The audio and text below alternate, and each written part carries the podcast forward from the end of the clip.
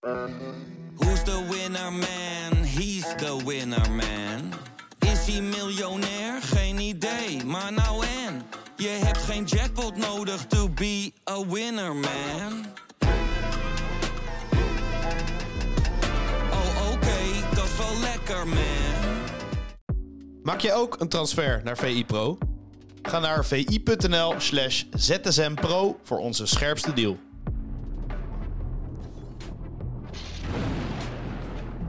Goedemorgen Pieter. Goedemorgen Jarno. Welkom bij eh, weer een nieuwe VIZSM. En dat lijkt wel een beetje op een Erik ten Hag special vandaag. Gaat het een eerste nog special worden? Ja, de meest gelezen items eh, op zowel eh, VI Pro als op VI.nl gaat om Ten Hag. Nou ja, Ten Hag is natuurlijk ook goed bezig, is met een opmars bezig. Sterker nog, het woord kampioenschap valt zo nu en dan zelfs. Ehm, voordat we de stukken los van elkaar gaan behandelen. Ja, hoe kijk jij nou eigenlijk naar de afgelopen periode onder Ten Hag bij Manchester United? Nou, eigenlijk als je naar het hele jaar kijkt, dan is het heel knap wat voor uh, stappen ze met dit elftal gezet hebben. Als je weer helemaal terug gaat naar die eerste twee wedstrijden in een seizoen. Toen was het echt welkom in de Premier League. En hier gebeuren dingen wat anders dan uh, dat ook ten nacht misschien uh, gewend was vanuit de Eredivisie. Namelijk dat jij al in de voorbereiding tot achter de komma bent geanalyseerd. En dat teams daar een antwoord op gaan proberen te verzinnen. Nou, als je dan nu een paar maanden verder kijkt, dan zie je in ieder geval dat er een ja, bepaalde stabiliteit in dat elftal is gekomen, bepaalde ondergrens in is gekomen. En dat zelfs bijvoorbeeld tegen Leicester speelde ze een hele slechte eerste helft. Mm Nou, was ook een eerste helft waarvan Ten Hag zelf ook zei dat het uh, helemaal nergens uh, op sloeg. Ja, toch creëren ze 14 kansen, hè? voornamelijk tweede helft, weet ik wel. Maar... Ja, de, de, de grote kans was natuurlijk met name uh, tweede helft. Maar inderdaad ook in de eerste helft maken ze een heel mooi doelpunt in die combinatie. Nou, er ja. natuurlijk twee reddingen van David de Gea. Maar in ieder geval zie je dat ze niet heel ver wegzakken in een periode waarin het eigenlijk niet loopt. Uh, waar zelfs allerlei principes niet uitgevoerd worden. En waar je bepaalde patronen die toch normaal gesproken zijn in de veldbezetting niet zag terugkomen. Nou, en dan zie je ook dat in de tweede helft. Dus het ging natuurlijk veel over uh, Wout Weghorst als nummer 10. Nou, die begon die wedstrijd ook weer uh, als nummer 10. En eigenlijk, ja. nou, het loopt niet. En dan zie je Ten Hag, die, die zit er naar te kijken. En in de rust, nou, zet hij net een beetje om. Dus dan zet hij Weghorst in één keer in de spits. Want het was belangrijk dat er meteen goed druk gezet werd. Nou, ja. daar was Weghorst belangrijk voor. Nou, Bruno Fernandes bleef op die rechterkant staan. Sancho die kwam in één keer uh, als nummer 10 uh, te spelen. En Rashford die uh, komt aan de linkerkant te staan. En in één en keer na een mooie goal op. Met, ja, en na rust met eigenlijk dezelfde spelers. Ja, begint het ja. in één keer wel te lopen. En dat is denk ik toch ook wel een kwaliteit van Ten Hag gebleken. Dat hij redelijk snel zich heeft aangepast aan die competitie, de vereisten daar. En ja, mee is gegaan in... Ja, je moet je daar continu aanpassen. Want anders uh, word, je, word je daarin gehaald uh, in de Premier League. En dat uh, ja, deed, deed Ten bijvoorbeeld in deze wedstrijd heel erg goed. En dat is ja, heel erg knap de ontwikkeling die je ziet in deze ploeg. En tegelijkertijd ja, moeten we ook niet gaan doen alsof zij op een niveau van Arsenal en uh, Manchester City zitten. Want daar zitten ze niet. Nee, dat klopt. Alleen de achterstand is minimaal. Wat ik nog wel aan jou voor wil leggen. Uh, er wordt vaak gezegd als je op zondag kijk je naar diverse wedstrijden. Je, je schakelt even in op de Eredivisie. En vervolgens schakel je over naar de Premier League. Van dat, dat, het lijkt alsof het versneld afgespeeld wordt. Is het voor managers, trainers ook zo dat het, het schakelen, laat maar zeggen, ook versnelt en in, in, een, in een hoog tempo gaat? Ja, is veel lastiger. Is veel lastiger als je uh, die wedstrijd tussen Arsenal en Manchester City recent uh, pakt. Ja, is waanzinnig. Dus dan heeft uh, in dit geval Guardiola wat uh, verzonnen. Er ging natuurlijk veel over uh, Bernardo Silva als linksback. Maar dat is niet eens het meest bijzondere wat hij in die wedstrijd verzonnen had. Want had toen bedacht, oké, Arsenal probeert dus ja, door dat midden op te bouwen. Nou, laten wij proberen om Grealish eigenlijk als nummer 10 neer te zetten bij balbezit uh, van Arsenal. En diezelfde goal voor uh, Mares. Dus Sinchenko komt er vaak naar binnen. Daar ging Mares mee.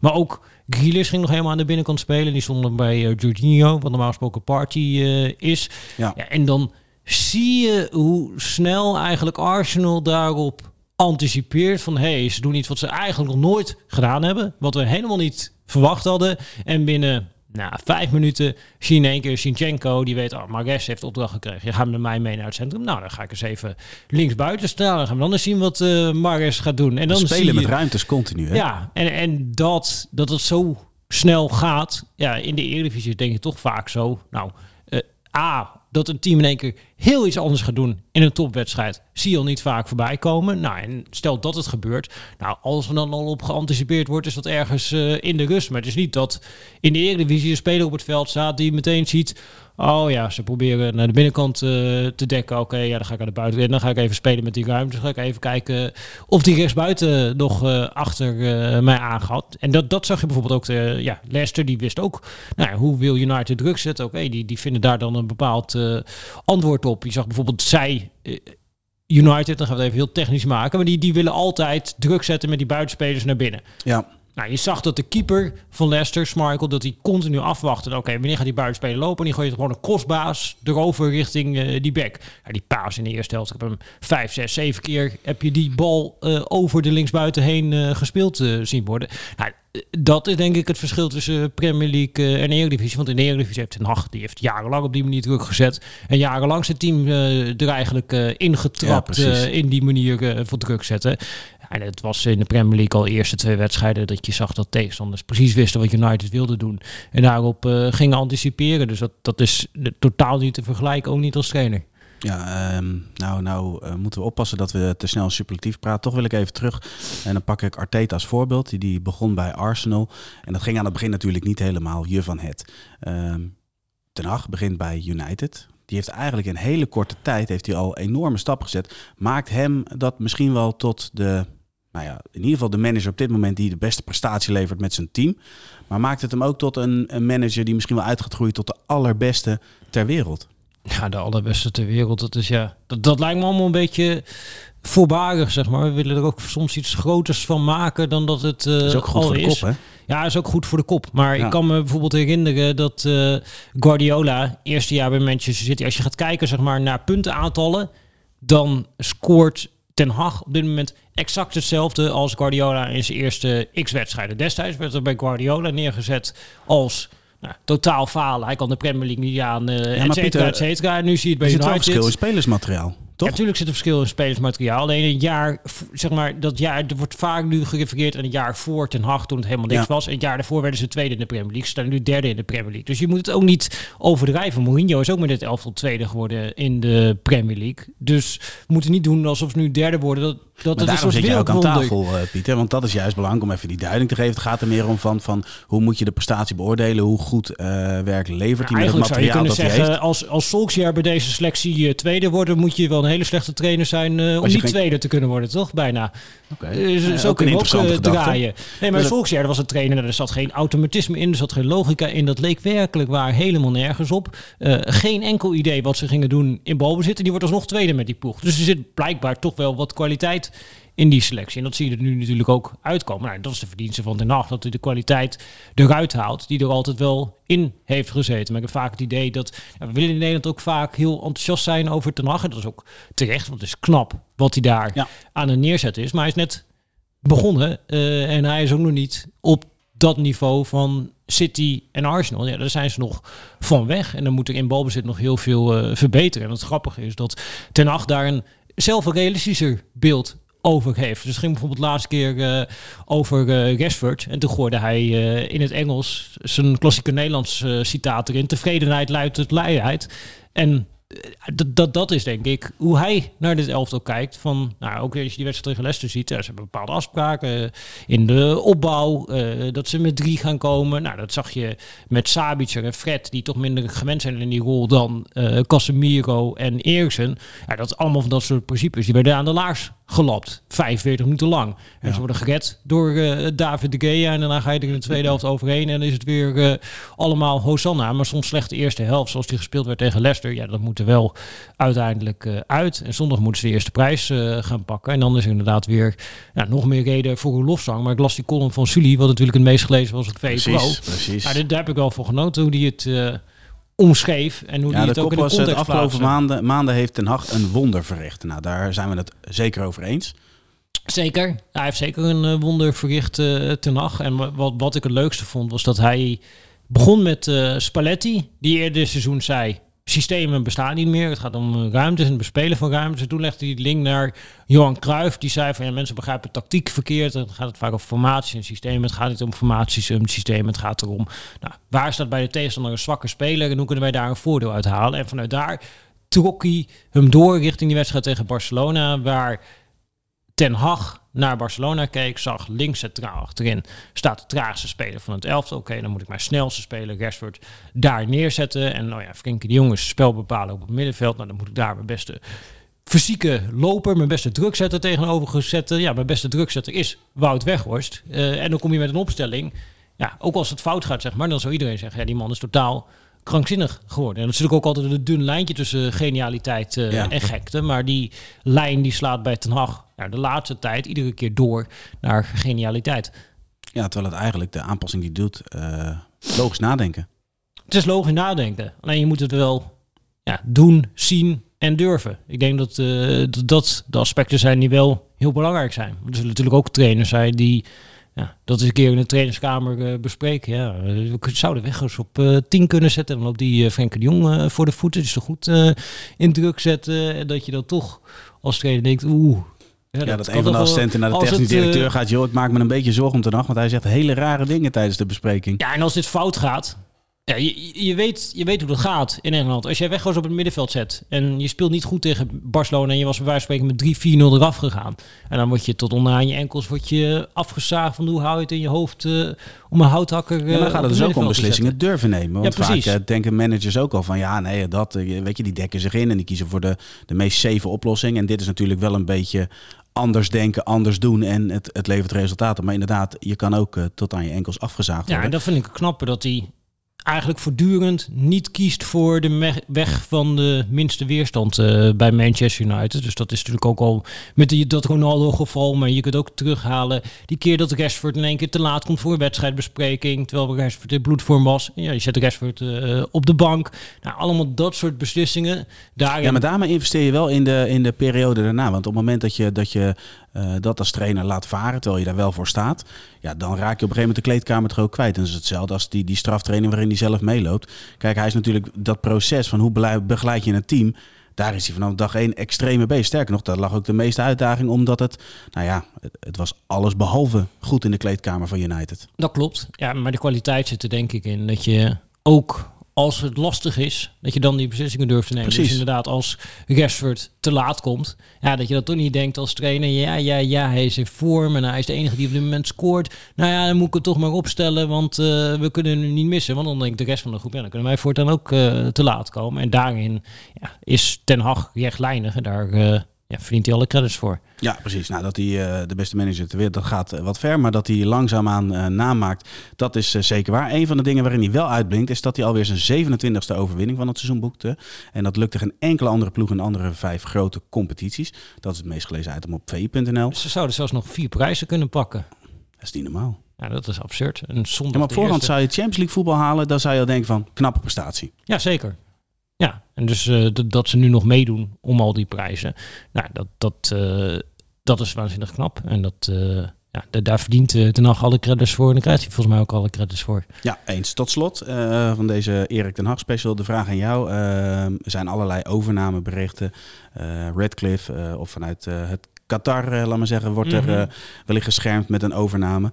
Stel dat dat gebeurt en uh, Ten Hag kan dus inderdaad zijn aankopen doen die hij ja, zou willen doen. Verwacht je dat hij dan... Um, nou ja, laat ik het dan zo zeggen. In welke linie gaat hij dan als eerst kijken, denk jij? Ja, er zijn een paar posities denk ik waar je naar zou uh, kunnen kijken. Hij heeft zelf geloof ik altijd de visie gehad van nou, ik heb twee of drie transferperiodes nodig om dit elftal echt naar mijn uh, hand te zetten. Dat is dan vanwege de geleidelijke weg? Dat ja. je niet in één keer heel veel nieuwe hebt? Ja, je, kunt, ja, je kan ook qua geld kan er niet dat je in één keer, dat je zou eigenlijk in één keer die hele selectie moeten gaan uh, vervangen, maar dat, uh, dat gaat natuurlijk niet. Dus ja, de, de, je moet wel de weg van de geleidelijkheid uh, kiezen, maar ja, om op je vraag terug te komen. Kijk, ik kan me voorstellen dat Doelman toch weer een item gaat worden. De Gea is natuurlijk ook dit seizoen weer ja, fantastisch met zijn reddingen, maar je ziet ook dat echt opbouwen met hem is lastig. Precies, ja. United is over het algemeen eigenlijk alleen in die eerste twee wedstrijden hebben ze heel veel balbezit gehad en daarna eigenlijk niet meer. Uh, en je ziet dat ze heel erg ja, afhankelijk zijn van, ja, moeten toch maar op een gegeven moment lange bal uh, gaan spelen. Daarom is Weghorst ook uh, zo nuttig, maar dat komt omdat de keeper niet kan opbouwen. Nou, dat, dat, ik denk langer termijn is dat wel een punt waar ze naar moeten gaan kijken. Ik denk rechtsback nog steeds. Dalo maakt een goede ontwikkeling door. Maar ik denk dat als jij ja, lange termijn vooruit wil met dat elftal, Mhm. dat je ook daarnaar moet gaan kijken. En het allerbelangrijkste is dat ze nou, een vormgever nodig hebben op het middenveld. Die rol die nu Eriksen invult. Nou, dat je daar misschien ook nog een eh, upgrade eh, op kan krijgen. Ik denk dat dat prioriteit is. Ja, en lange termijn heb je natuurlijk ook nog een andere spits nodig. Ja. Centrale spits. Dus ja, zeker nou ja, als je het zo opzomt, dan moet dus ook in de as van het elftal moet nog wel het eh, nodige gebeuren. Dus ja, het, het bouwwerk eh, is, eh, is nog niet af. Nee, precies. Met het geld wat eh, mogelijk aanstaande is en eh, Champions League voetbal wordt het natuurlijk wat makkelijker shoppen. Wij gaan nu, overigens nu we het erover hebben, we gaan het even over de Champions League hebben. Ja, vanavond gaan Vanavond, eh, weer mooie worden. potjes. De, herhaling van de Champions League finale. Zeker. En volgens mij, Klopp heeft hem voor het eerst even teruggekeken. Klopt. Ik heb er recent ook een keer een tweetje aan gewijd. Dat ik, ik vind het een curieus iets. Jij weet, jij weet ook hoe trainers werken en hoe trainers denken. En dit, dit valt me continu op. Dat trainers kijken finales niet terug. Dus eigenlijk tijdens het seizoen, die gasten zijn obsessief bezig. Als zij een wedstrijd gespeeld hebben, dan kijken ze s'nachts al terug. En dan vaak eh, de analisten knippen die wedstrijd nog op. Eigenlijk hebben ze die wedstrijd, iedere maar wedstrijd in alle seizoen- gevallen, Pieter, of niet? Want ehm, je hebt ook, trainers hoor je vaak zeggen dat, dat de pijn van verliezen groter is dan de vreugde van winnen. Weet je, dat dat, dat, dat veel meer impact heeft. Ja, maar daarom is het zo opvallend dat in eigenlijk de belangrijkste wedstrijd van het seizoen, dus eigenlijk iedere wedstrijd van het seizoen, die ga je bijna drie keer kijk je hem terug. Dus eh, ze, ze kijken hem één keer, dan kijken ze hem daarna vaak s'avonds, s'nachts, nog een keer integraal terug. Nou, dan krijgen ze nog een keer de clipjes van de analisten en soms kijken ze zelf dan ook nog eh, stukjes eh, terug. Dus Ja. nou ja, tweeënhalf, drie keer kijk je een wedstrijd gemiddeld. En dan speel je de belangrijkste wedstrijd van het seizoen. En wat je altijd hoort van die trainers is, ja, nee, die finale heb ik nooit meer teruggezien. Wat je ook merkt met die trainers, ik heb bijvoorbeeld toen een keer met Bos de Europa League finale teruggekeken. Oh ja, dat klopt, ja. ja. Nou, dat ze hele andere dingen zien dan in hun hoofd zitten. Dus eigenlijk evalueren ze ja. de belangrijkste wedstrijd in hun carrière, evalueren ze op een verkeerde manier, omdat ze een verkeerd beeld en verkeerd gevoel hebben overgehouden naar die eerste wedstrijd. En eigenlijk bij iedere wedstrijd die een trainer analyseert, en dat merk ik zelf ook trouwens, als je een wedstrijd terugkijkt voor de tweede keer, zie je altijd andere dingen dan in de heat of the moment. Nou, Ja. is eigenlijk heel vreemd en heel raar dat bij die wedstrijd die alles bepalend is, dat je dan je hele proces, en de reden dat het gebeurt is natuurlijk, ze gaan met vakantie, nou je baalt enorm van die nederlaag en je denkt, eh, eh, ja, laat iedereen maar de rambam krijgen. Maar ik denk juist dat het heel waardevol zou zijn voor een trainer om wel ook die wedstrijd nog maar even drie keer Maar terug hoe, hoe te zit dat bij kijken. jou dan, Pieter? Want jij kijkt er gewoon open naar en er zit in principe geen emotie van teleurstelling, van winnen, verliezen, et cetera bij. Een trainer, die, die zit natuurlijk, als hij op eh zaterdag of zondag een wedstrijd heeft, zit hij hoog in de emotie. En op het moment dat hij niet terug heeft gekeken, dan zal hij waarschijnlijk ook dingen zeggen die niet overeenkomen met het beeld dat hij later terugkijkt. Dat heeft ook daarmee te maken. Maar hoe, hoe zit dat bij jou dan dat je zegt van, dan zie ik toch weer andere dingen? Is dat dan ook dat jij op voorhand eh, imagineert? Dus ook, jij weet van tevoren van, nou, dit is wat ik ongeveer kan verwachten en dat je Ja, vanuit ja. dat en perspectief je bent kijkt? natuurlijk ook bezig eh, vaak als je wedstrijden kijkt met ook nog een artikel tikken. Dus je, je gaat op een gegeven moment ook een beetje nou ja, gefragmenteerd eh, in zekere zin naar bepaalde dingen kijken. Maar het is sowieso ook, kijk, je hebt altijd de aandacht van de mens. Er is dat fameuze filmpje van, eh, dan moet je gaan tellen hoeveel basketbalpasses eh, gegeven worden. En kijk je na de tweede keer dat filmpje terug. En dan zie je in één keer dat er een gorilla door het beeld liep. En dan denk je, hoe heb ik nou die gorilla kunnen missen? Ja, omdat jij bezig was om die passes te tellen. En zo is het ook met de voetbalwedstrijd. Je focus je aandacht op iets. En daardoor Ja. mis je een heleboel andere dingen. En dat, dat gebeurt natuurlijk ook met trainers. En ik denk dat het vooral ook richting die spelers, maar ook richting die trainers zelf, dat het eigenlijk ja, niet, niet fair is om die wedstrijd niet terug te kijken. Omdat je houdt dus eigenlijk een verkeerd beeld over aan die finale. En dat was, kwam nu trouwens ook weer terug in de woorden van Klop. Dat hij dus ja, ook precies. eh, zei van, nou, dat die finale op een andere manier liep dan hoe hij het aanvankelijk eh, in zijn hoofd had. En ja, dat, nou ja, dat, eh, dat is het dwarsstraatje, maar dat vind ik een ja, opvallend iets. En ik, ik zou denken dat het goed zou zijn voor trainers ja, om het juist wel terug te kijken. Ja, waarbij ik wel de kant in moet plaatsen dat ik het bij Van Marwijk bijvoorbeeld wel snap. Die, die, die eh, neemt het dan over van Van Basten en, en die werkt aan een, een proces. Eh, dat is de wereldtitel in 2010. Mhm. Nou, dat is een proces waar je dan jaren na, naartoe werkt. En dan is de teleurstelling van de verloren finale zo groot. Dat ik, dan kan ik me wel voorstellen dat je zegt van... Ja, er is een periode van rust. Je ziet de spelers voorlopig even niet. Dan ga je in een nieuwe Maar ik cyclus kan me in. alles En voorstellen, je maar als bondscoach heb je natuurlijk ook genoeg tijd. En eh, dat EK 2012 is daarna een gigantisch fiasco geworden. Ik zeg niet van, oh ja, als je die finale wel had teruggekeken, was dat beter gegaan. Maar als jij zeg maar, naar zo'n teleurstelling het weer op wil rapen en richting wil geven aan, oké, stel wij willen het komend seizoen net wel redden. Wat hebben we daar dan voor nodig? Dan moet je die finale teruggekeken hebben. Dezelfde in Liverpool dit seizoen is ook nu helemaal niks. Nou, dat komt niet alleen omdat ze die finale niet hebben teruggekeken. Of dat zal maar een kleine factor zijn. Maar als jij de juiste prioriteiten wil stellen richting, goh, wat moeten we komend seizoen nou anders doen om wel die Champions League te winnen? Ja, dan moet je die finale terugkijken. Want daarin vind je de oorzaken van die nederlaag. Ja, misschien moet je die finale wel vijf of tien of twintig keer terugkijken. Om tot in het diepste van je vezels te begrijpen. Wat moeten wij nou anders, moeten wij nou beter doen om wel voor Real Madrid Ja, ik snap wel wat je zegt, maar het ritme is natuurlijk wel anders. En je gaat als bondscoach misschien ook wel weer doorselecteren. Met een nieuwe selectie ga je aan de slag. En